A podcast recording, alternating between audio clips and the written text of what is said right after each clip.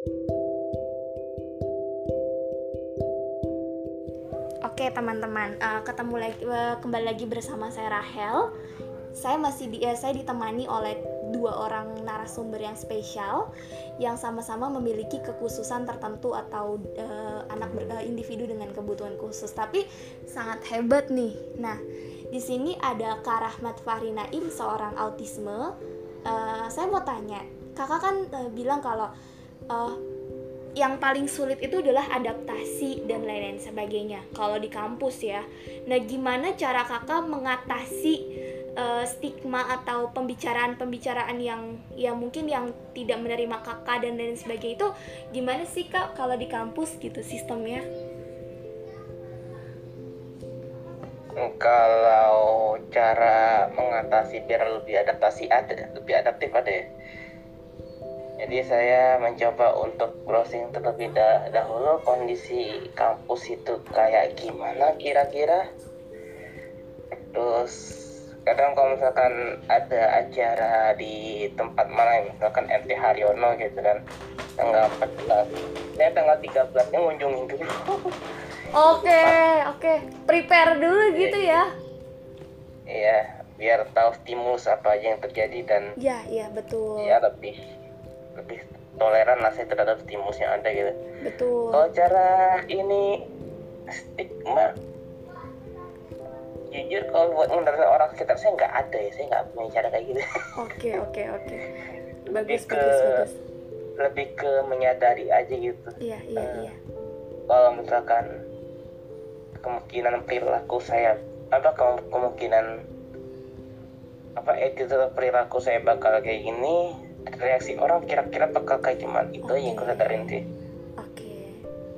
menyadari hal tersebut soalnya kan bisa dibilang disabilitas ya kan susah ya maksudnya kayak iya iya iya, iya. entah autismenya maupun narkolepsia itu kan Betul. kan sama-sama invisible atau nggak kelihatan ya iya iya iya ya. jadi satu-satunya cara orang bisa ngelihat saya disabilitas atau enggaknya itu kan dari attitude gitu. Betul, nah sedangkan iya. ya apa ya ini hanya teori saya doang ya. Uh, kan kalau timur kan orang timur kan sering ada istilah lebih mengutamakan adab daripada ilmu gitu ya.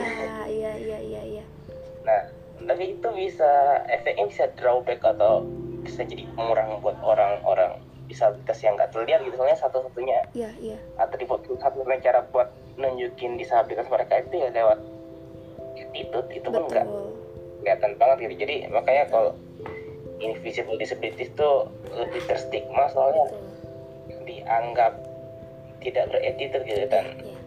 efeknya lebih luas gitu. Oke, nah saya mau sedikit bahas dulu. Jadi autis itu kan gangguan perkembangan.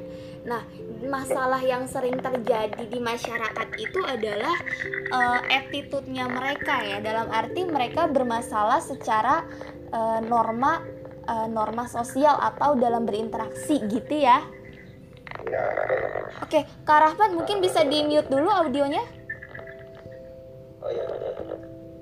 Oke, sepertinya. Oke, jadi autis uh, autis itu uh, masalahnya ada di interaksi. Jadi tadi yang Kak Rahmat Fahri uh, bilang bahwa kita tuh nggak kelihatan. Memang benar autis itu adalah jenis disabilitas atau kekhususan yang nggak kelihatan. Beda sama totally blind kayak Kalatifa tadi ya.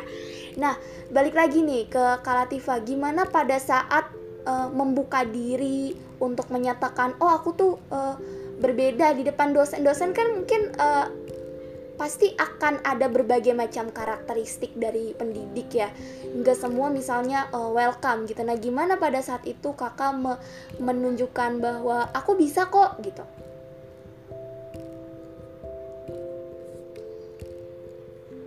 Uh, menunjukkan bahwa uh, di depan dosen itu bahwa kakak itu bisa. Gimana kira-kira? Iya, kalau aku sendiri sih lebih ke ngasih tahu ya, kayak misalnya kemarin kan sempet nanya dosenku yang dosen filsafat ilmu itu sempet nanya kamu kok bisa uh, ngetik uh, dengan rapi? Ini kamu yang nulis. Iya pak saya yang nulis gitu. Terus gimana caranya? Nah saya jelasin aja kalau misalnya saya tuh pakai aplikasi di laptop dengan menggunakan pembaca layar ya dikasih tahu pembaca layar itu seperti apa dan dibuka, dibuka gitu headsetnya terus speednya dilambatin. Jadi biar uh, orang-orang lain juga bisa ngerti gitu apa yang screen reader itu ucapkan. Terus selain itu juga sempat juga ada dosen yang nggak akses yang ini tuh bahasa Inggris sih sebenarnya. Jadi dosennya itu cuma ngasih modul dan modulnya itu penuh dengan tugas-tugas. Pasti pas kemarin pas kemarin uas itu dosennya malah nanya kamu uasnya mau ngapain ya udah karena oh dosennya sendiri nanya yeah. Iya. uh, kamu uasnya mau ngapain ya udah saya bilang aja gini ya udah bu karena saya lebih nguasain tensis nggak apa-apa saya bikin kalimat 16 tensis kali tiga sama positif negatif interrogatif udah simpel. Oke oke Wah, wah, mantep, mantep, mantep. Berarti ini tergantung kitanya mau terbuka atau enggak gitu ya kayak ya, kepada lingkungan yang iya. ada gitu. Kadang kan kita kadang nutupin juga sama sama kekurangan kita gitu kan. Tapi sebenarnya stigma itu akan terlebih terasa kalau kitanya tadi diam atau kayak menutup diri dari orang. Jadi orang juga nggak akan tahu kalau kita itu bisa gitu ya. Iya, betul. Oke oke. Nah, menurut kakak nih, uh, apa sih yang harus dilakukan oleh teman-teman mahasiswa atau mungkin lingkungan yang kedatangan uh, orang-orang disabilitas entah itu tunanetra dan lain sebagainya? Khususnya tunanetra dulu deh. Apa yang menurut kakak nih apa saja yang harus kita dipersiapkan gitu dalam menerima disabilitas ini dalam lingkungan pendidikan gitu Ya, yang pertama yang dipersiapkan itu adalah dari segi uh, psikologisnya juga gitu. Mereka jangan sampai terlalu khawatir dan terlalu berlebihan gitu menganggap uh, keberadaan tunanetra. Ya, ya, ya. ya dari segi uh, kekhawatiran aja gitu kayak kalau misalnya jadi di di di tempat aku tuh lucu iya, banget ya, kayak ya, ya, ya. mau nganter mau nganter ke kosan aja mesti dijadwal gitu ya siapa yang harus nganter giliran gitu. gitu iya dijadwal ya ampun. Iya iya terus terus padahal padahal sebenarnya tuh kadang-kadang aku bisa rasain sendiri loh mana orang yang bener-bener mau mana ya, orang ya, yang terpaksa karena jadwal gitu. Eh, intinya uh, uh, harus dipersiapkan bahwa sebenarnya tunanetra itu nggak sepayah yang dikira loh gitu yeah. dan sebenarnya kalau misalnya nggak mau nganter pun nggak apa-apa gitu aku bisa kok kalau misalnya cuman dianterin sampai gerbang jalan ke kosan sendiri bisa yeah. ya sekarang pikir aja deh aku dari dari sini ke kampus bisa sendiri kadang diantar juga sama orang yang tunanetra lagi gitu yang sama-sama hmm. nggak hmm. bisa lihat itu bisa kenapa pulang kok sampai harus dijadwal segala gitu ya yeah, maksudnya yeah. tapi ya itu sih aku sih nganggapnya ya aku juga nggak bisa menyalahkan mereka karena mereka juga baru ketemu sama uh, orang tunanetra terus selain itu yang harus dipersiapkan juga kayak apa ya kayak semacam uh, istilahnya harus siap gitu kesiapan dari dari segi kayak pengerjaan tugas juga yeah, yeah. jangan sampai uh, kita tuh dibeda-bedakan lah gitu Betul. sama yang lain yeah. Ada ada tugas kelompok ya sama aja ngerjain kalau misalnya mereka berpikir bahwa uh, kita kan ngerjainnya di luar gitu nggak di kelas atau kita kan ngerjainnya di tempat mana ya udah gitu tinggal share lokasinya aja ya Betul. aku juga bisa ke sana sendiri kayak gitu ya itu sih paling dari jangan terlalu khawatir dan dan jangan terlalu iya, berlebihan yeah, yeah, juga yeah. Oke. Okay. Oke oke. Berarti intinya adalah kalau kita kedatangan entah di, entah di lingkungan kampus atau di lingkungan sekolah dan lain sebagainya ya. Di lingkungan sosial lah terutama. Intinya kayak kita tuh sebagai disabilitas tunanetra itu cuma satu kok. Yang selain penerimaan adalah kepercayaan gitu ya untuk ya, bisa iya, iya kayak gitu. Karena penerimaan aja sebenarnya nggak cukup ya bener ya. Kalau ya oke deh diterima terus ya udah terus gimana tuh lanjutannya kan nggak cukup juga gitu ya menurut menurut kesimpulan aku sih gitu. Iya terus ada juga yang kayak uh, apa sih ya maksudnya bagi tantangan aku sendiri sih karena kan aku ini anak sastra. Uh, anak sastra itu kan emang baru banget ya di apa interaksi sama disabilitas. Betul, beda sama iya. waktu aku pertama masuk dulu di PLB di pendidikan luar biasa tuh lebih uh, orang-orangnya juga kayaknya udah udah pada tahu soal disabilitas gitu. Tapi ya aku sendiri nganggap itu semua tuh sebagai tantangan. Justru dengan aku masuk ke si ke ranah yang non non disabilitas ke ranah ke sesuatu yang gak ada hubungannya sama sekali sama disabilitas itulah cara aku buat mengedukasi mereka gitu Ya betul setuju setuju setuju. Kadang kita juga perlu tantangan juga ya untuk menghadapi berbagai macam orang. Nah ada satu pertanyaan lagi nih kak. Kalau kata-kata ya kata-kata yang harus dihindari tuh apa sih mungkin ya sesuatu hal yang sepele tapi sebenarnya sebaiknya nggak usah diucapin deh kalau ketemu sama disabilitas gitu untuk bisa lebih menjaga uh, ini tuh sebenarnya nggak etis. Nah menurut kakak apa aja nih uh, perkataan atau kayak ucapan lah yang kita memang nggak boleh dijadikan bahan itu ya selain cacat dan lain sebagainya. Iya tentunya tentunya yang nggak yang yang nggak boleh diucapin atau yang dihin, ucapan yang dihindari itu adalah kata-kata yang negatif ya kayak misalnya e, kamu tuh nggak bisa atau misalnya ya, kamu ya, tuh ya, ya. nggak mampu atau uh, mata kamu kan nggak bisa lihat ya gitu. Nah itu tuh adalah kata-kata yang sebenarnya uh, aku sendiri sih udah ikhlas ya yeah, sama yeah, kondisi yeah, yeah. disabilitas aku. Cuman kadang mood aku tuh kayak jadi turun gitu yeah, setelah yeah, dengar yeah, kata-kata yeah. itu gitu. Ya udah sih gitu kalau misalnya emang nggak mau atau nggak suka ya udah nggak apa-apa. Mm. Saya jangan ya, ya jangan kayak gitu juga gitu. Tapi tergantung juga cara ngucapinnya sih. Kalau ngucapinnya dengan ada bercanda selengean gitu ya aku sendiri masih ya, ya oke okay lah ya, gitu ya, ya. kita paham kayak, kayak nih tapi kalau misalnya emang ngucapinnya dengan nada yang emang bener-bener judes gitu ya, ya gimana? ya, ya, ya. juga gitu. Ya ya ya. Tergantung intonasinya. Kalau intonasinya teman-teman mungkin kan ada yang namanya hidup kan pasti bercanda gitu kan.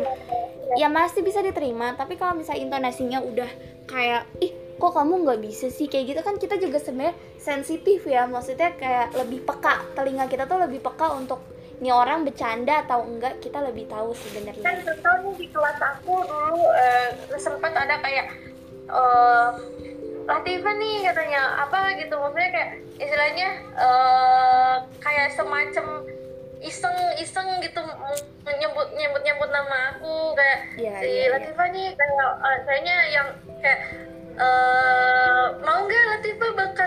bakar-bakar yuk katanya kayak kayak yeah, iseng-iseng yeah, yeah, yeah, yeah. ya kayak mau main nggak ya kalau kayak gitu sih masih nggak apa-apa cuman kalau untuk udah ke yang yang benar-benar yeah, yeah, sensitif kayak menyinggung masalah disabilitas atau masalah orang tua atau masalah apa itu nah itu lagi gitu maafin. Aku kan nggak bisa maafin ya.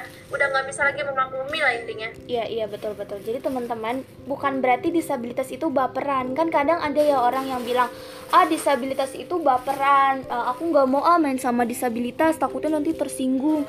Nah sebenarnya bukan kayak gitu. Sebenarnya bagaimana kita memperlakukannya aja gitu ya. Kalau kita memperlakukannya dengan bahasa yang sopan mereka juga dengan senang hati kok ya buat bergaul sama teman-teman yang non disabilitas gitu ya kak ya? Ya betul banget. Oke nah tapi ini aku jadi penasaran nih ya cerita kakak tuh tadi menarik banget. Tapi kalau untuk bullying terhadap disabilitas itu bisa nggak dicegah? Kalau misalnya nih entah itu orang tua pengen banget supaya anaknya atau uh, bisa masuk ke pendidikan umum ya entah itu universitas bisa nggak menurut kakak gimana sih cara mengantisipasi supaya hal itu tuh nggak terjadi ya yang tadi yang sebenarnya tuh ada kerjasama ya antara orang tua dengan lembaga jadi biasanya kan kalau orang-orang atau anak-anak mahasiswa ataupun uh, anak-anak sekolah itu tuh yang paling segen tuh yang ditakutin itu guru ya orang tua betul, betul. gitu jadi uh, betul, betul, betul. harus harus ada sosialisasi untuk ya di sekolah gitu ya nah ketika menerima uh, teman-teman disabilitas ya cobalah diadakan seperti di Universitas Universitas Pamulang itu kan kemarin ada pencari disabilitas yang ditampilkan iya, iya. disabilitas kayak diminta untuk jadi MC, diminta Wah, untuk mandu uh, apa sih mandu games kayak terus diminta buat nyanyi, buat apa. Yeah, yeah, yeah. Jadinya tuh ya mahasiswa tuh teredukasi yeah, gitu. Yeah, yeah, nah, yeah, yeah. cara cara menarik mereka buat datang ke acara yang ada hubungannya sama disabilitas itu ya bisa macam-macam sih. Iya, iya, iya, iya, iya, iya, iya. banget kadang-kadang uh, di kampus atau di sekolah tuh suka nakut-nakutin loh apalagi di kampus gitu ya kalau yeah, yeah, yeah, yeah. suka harus wajib uh, ikut acara ini yeah, yeah, yeah. sertifikat gitu. aku juga gitu. Itu lumayan lumayan manjur juga loh yeah, gitu yeah, buat yeah. sosialisasi atau yeah. ada seminar yang ada hubungannya buat sama disabilitas. Jadi yeah. antara kerja sama orang tua buat menguatkan kita. Yeah. Jadi kayak misalnya kalau kita dibully atau gimana, orang tua juga mendengarkan curhatan kita dan Wah, tidak menghakimi kita. Wah, mantap. Terus ada juga kerjasama dari lembaga yang selalu memberikan pendampingan sosialisasi terhadap mahasiswa atau uh, peserta didik yang ada di sekolah kayak gitu. Ih mantap. Berarti intinya bukan cuma anaknya yang disuruh beradaptasi ya, tapi lingkungannya juga harus tahu sama kondisi anaknya gitu ya kak ya. Maksudnya saling ya, saling betul. saling komunikasi, jangan cuma anaknya aja nih yang dipus untuk ayo dong kamu bisa. Nah itu sebenarnya cara cara cara seperti itu tidak di sama tidak dibenarkan tapi lingkungannya juga harus dikerja sama.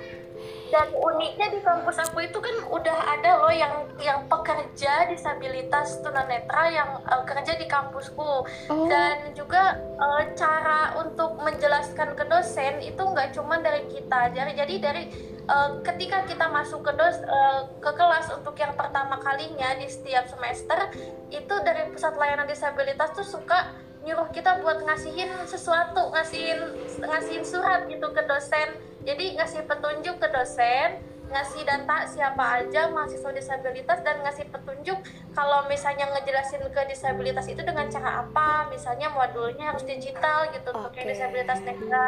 Terus suaranya harus lantang jadi kayak gitu. Yeah. jadi udah tersosialisasikan secara nggak langsung gitu. Wah, berarti ini bisa dicontoh untuk lembaga pendidikan yang lain. Kalau eh ada satu hal ya kalau misalnya nggak perlu kita nggak perlu bisa huruf braille kok kalau kita mau menerima disabilitas. Ibaratnya kan kayak dosen-dosen yang lain juga belum tentu bisa huruf braille. Apalagi kayak zaman sekarang kan canggih ya. Kita kuliah tuh udah pakai laptop belajar kalau misalnya itu bisa pakai komputer kayak gitu tuh. Jadi tapi kemarin aku sempat ada kasus gini dengar dari sebuah kampus ada uh, anak disabilitas yang harus banget pakai braille. Oh, kenapa? Jadi dia tuh nggak mau kalau pakai tulisan uh, biasa atau pakai laptop atau pakai yeah. handphone. Nah itu juga sebenarnya buat teman-teman disabilitas, ya teman-teman disabilitas itu sebelum uh, menaiki jenjang perkuliahan sebelum menapaki jenjang uh, perkuliahan atau mau memasuki ke sekolah reguler. Jadi ya aku minta tolong banget buat kalian semua buat belajar lagi di teknologinya. Ya, Karena ya, tuh gak ada yang gak mungkin kok di di dunia ini kalau misalnya emang teman-teman ada niat uh, kita juga kita juga bisa ngebantu kok gitu kalau saya mau belajar laptop atau belajar handphone pokoknya jangan yeah, jangan yeah. sampai uh, mengecewakan uh, orang tua kalian atau Betul. mengecewakan teman-teman yeah. sama disabilitas gitu. yeah. karena sebenarnya uh, kita kita sendiri yang harus mengangkat image kita Betul. gitu iya iya iya jadi kita nggak bisa maksa orang lain buat mengerti kita kalau kita sendiri kayak gitu ya nggak mau belajar. Laptop juga ah, udahlah ya. nanti aja nanti aja gitu kan. Ya pa pada akhirnya laptop atau teknologi itu adalah sesuatu yang paling dibutuhkan banget untuk kerja dan untuk bikin skripsi dan lain sebagainya. Kita nggak lepas dari yang namanya laptop. Nah kak uh, uh, apa sih yang mau kakak sampein buat teman-teman disabilitas yang sekarang tuh sedang menempuh pendidikan dan juga buat semuanya supaya kita bisa sama-sama saling menghargai apa yang yang untuk kemajuan Indonesia ataupun pendidikan Indonesia ke depan tuh gimana sih menurut kakak? Oke, uh, bagi teman-teman disabilitas dulu yang pertama buat yang masih berada di jenjang pendidikan khusus atau di SLB uh, manfaatkan uh, waktunya terus juga banyak eksplor lagi di luar. Sekarang banyak banget organisasi-organisasi yang mau mengajarkan sesama disabilitas terutama tunanetra sendiri itu bisa belajar di ITCFB di Blind Media Teknologi atau di mana pun itu buat teman-teman bisa lebih eksplor lagi di bidang teknologinya. Terus kalau misalnya yang masih kekurangan dalam bidang uh, kursus atau di, di bidang kursus di akademiknya di bahasa Inggris atau di matematika atau di apa pun itu itu juga harus ditingkatkan dipersiapkan Betul. sebelum masuk ke kampus atau ke sekolah inklusif karena itu bakal sangat dibutuhkan gitu ya nah terus buat teman-teman yang udah bersekolah atau berkuliah di uh, kampus atau di sekolah yang inklusif uh, teman-teman selamat berjuang dan semoga teman-teman bisa merubah stigma bahwa disabilitas itu sebetulnya bisa melakukan apa yang orang lain bisa iya, lakukan ya, gitu.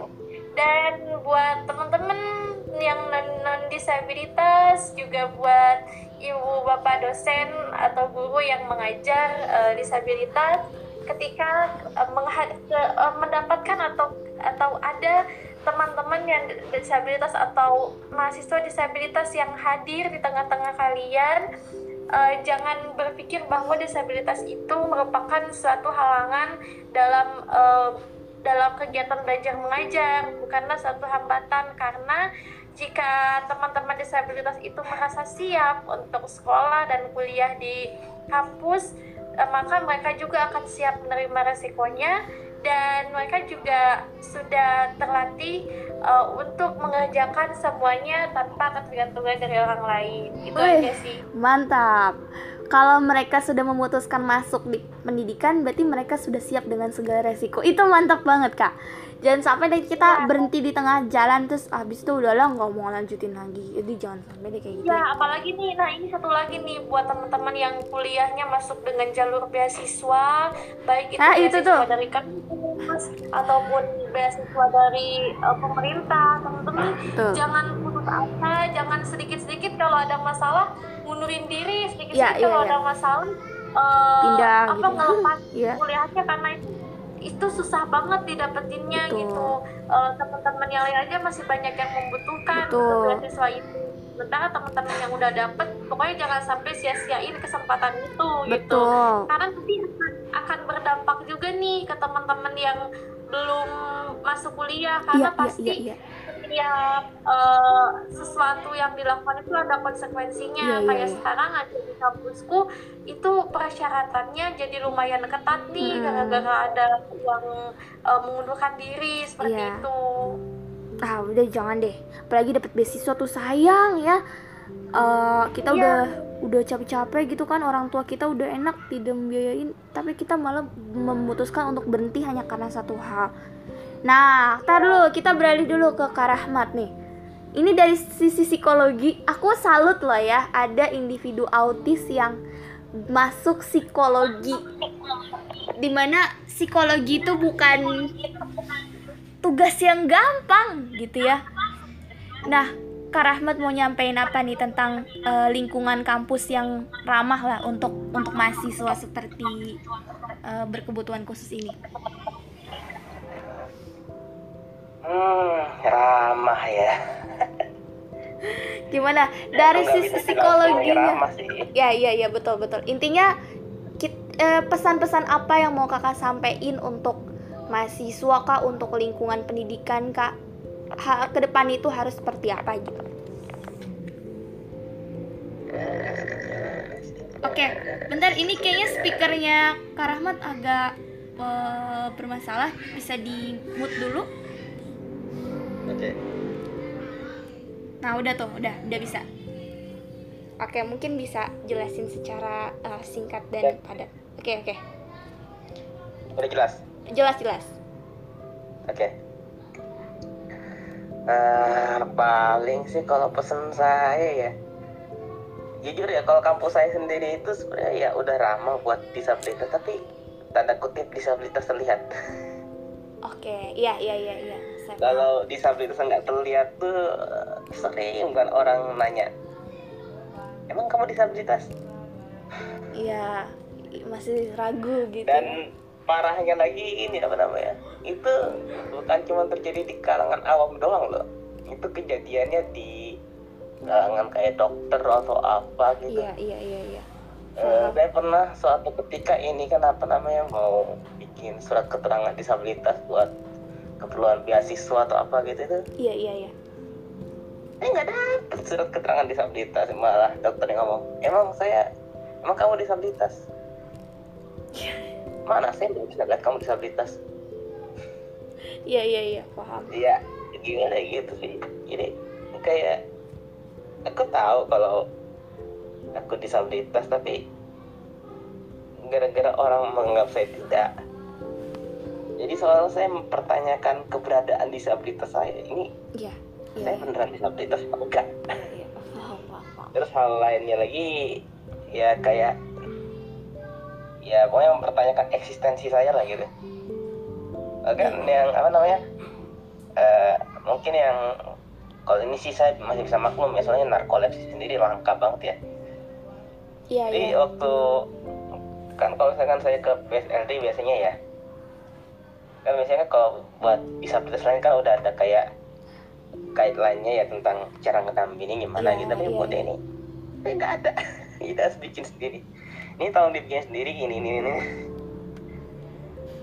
yang Oke. kamu butuh apa ini apa gitu. Ya mereka masih baik sih nanya tentang kebutuhan saya apa gitu. Cuman kayak waduh bahkan untuk apa namanya untuk di kalangan komunitas disabilitas sendiri saya kerasa asing ya. Iya iya iya iya. jadi pesan saya itu ya eh, disabilitas itu bukan hanya hal yang terlihat saja. Betul setuju. Disabilitas itu ada hal yang tidak terlihat. Ya. Kalau di Undang-Undang 8 tahun 2016 ada empat jenis. Ya. Fisik, sensor intelektual, mental, sensorik. Pemberitahuan baru Nah, dari itu WhatsApp. jatuhnya di mental. mental iya Dan ada juga ya saya juga bisa dibilang masuk fisik tapi fisiknya nggak kelihatan soalnya nyerangnya bagian dalam ya. ya Ya agak susah sih cuma ya gitu lah. Ya kalau pesan saya itu aja tolong perbaharui lagi lah apa namanya literasi tentang disabilitasnya apalagi untuk para ahli-ahli itu kan jangan berfokus pada undang-undang 1999 yang cuma iya iya pakai kata tuna-tuna atau Iya. undang-undang 2004 yang kurang lebih masih mirip-mirip dan apalagi masih ada kata cacat situ. iya iya iya iya betul jadi lebih baik bergaul lagu lah ini apa referensi tentang disabilitas itu apa gitu Iya iya. Nah ini setuju sih aku. Jadi disabilitas itu ada yang terlihat, ada yang nggak terlihat. Yang nggak terlihat itu yang tadi tuh, kayak disabilitas mental, kemudian autis. Jadi karena di, di banyak orang yang malah justru mengucilkan orang-orang yang disabilitasnya tidak terlihat. Karena apa? Karena mereka itu banyak orang yang nggak nganggepnya disabilitas. Kayak ini orang kenapa sih aneh banget? gitu ya. Padahal sebenarnya bisa jadi mereka punya kekhususan tertentu gitu ya. Jadi eh, ini dia kita intinya mah penerimaan dan apa yang bisa mereka lakukan. Udah itu aja dua itu aja dari yang tadi saya simpulkan gitu. Wah mantap banget nih buat eh, Kak Latifah sama Kak Rahmat eh, Fahri Naim ya luar biasa banget tapi nanti boleh nih nanti kita bikin podcast lagi kalau misalnya di HDI tahun depan atau mungkin di momen-momen disabilitas Boleh kita bahasnya harus yang lebih dalam dan cari suasana yang lebih kondusif gitu ya kalau perlu nanti aku Iya. bikinin zoom deh. Jangan lupa ya buat follow podcast aku juga di Mutiara Jari Spotify. Oke, nanti aku ikutin ya. Nanti boleh kalau misalnya itu boleh aku share-share juga. Eh, ini ada, bentar-bentar. Jadi Kakak Latifah itu punya podcast. Namanya apa tadi? Mutiara Jari. Wah, mantap tuh. Itu tentang apa tuh kalau boleh tahu? Boleh nanti teman-teman bisa bisa kunjungin. Hmm, macem-macem ya sebenarnya tentang kegiatan-kegiatan yang ada hubungannya dengan disabilitas, terus tentang pendidikan juga. Terus kita juga sempet kayak ya ada ada tips-tips juga tips and trick ngapain gitu misalnya tips and trick kayak yang eh, buat ya macem-macem gitu ada buat masak juga kita Wah, buat amannya buat masak disabilitas sama kompor listrik kan macam-macam pokoknya banyak Eh tuh jangan ngeremehin ya. Kalau disabilitas netra juga pinter masak loh.